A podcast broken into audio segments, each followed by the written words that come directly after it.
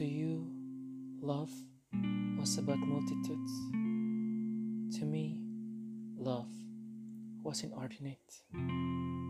I love you, I would say. How much? You would ask.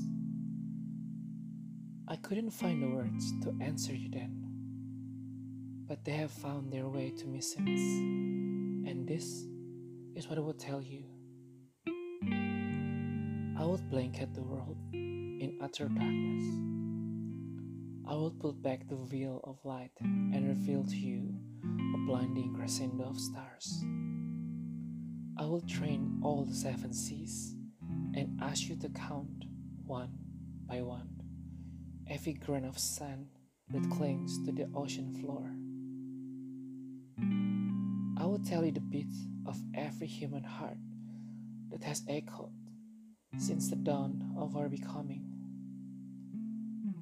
And as you look in awe at the sheer magnitude of my admissions, I will take your hand in mine and tell you if only you had let me, this is how much I could have loved you.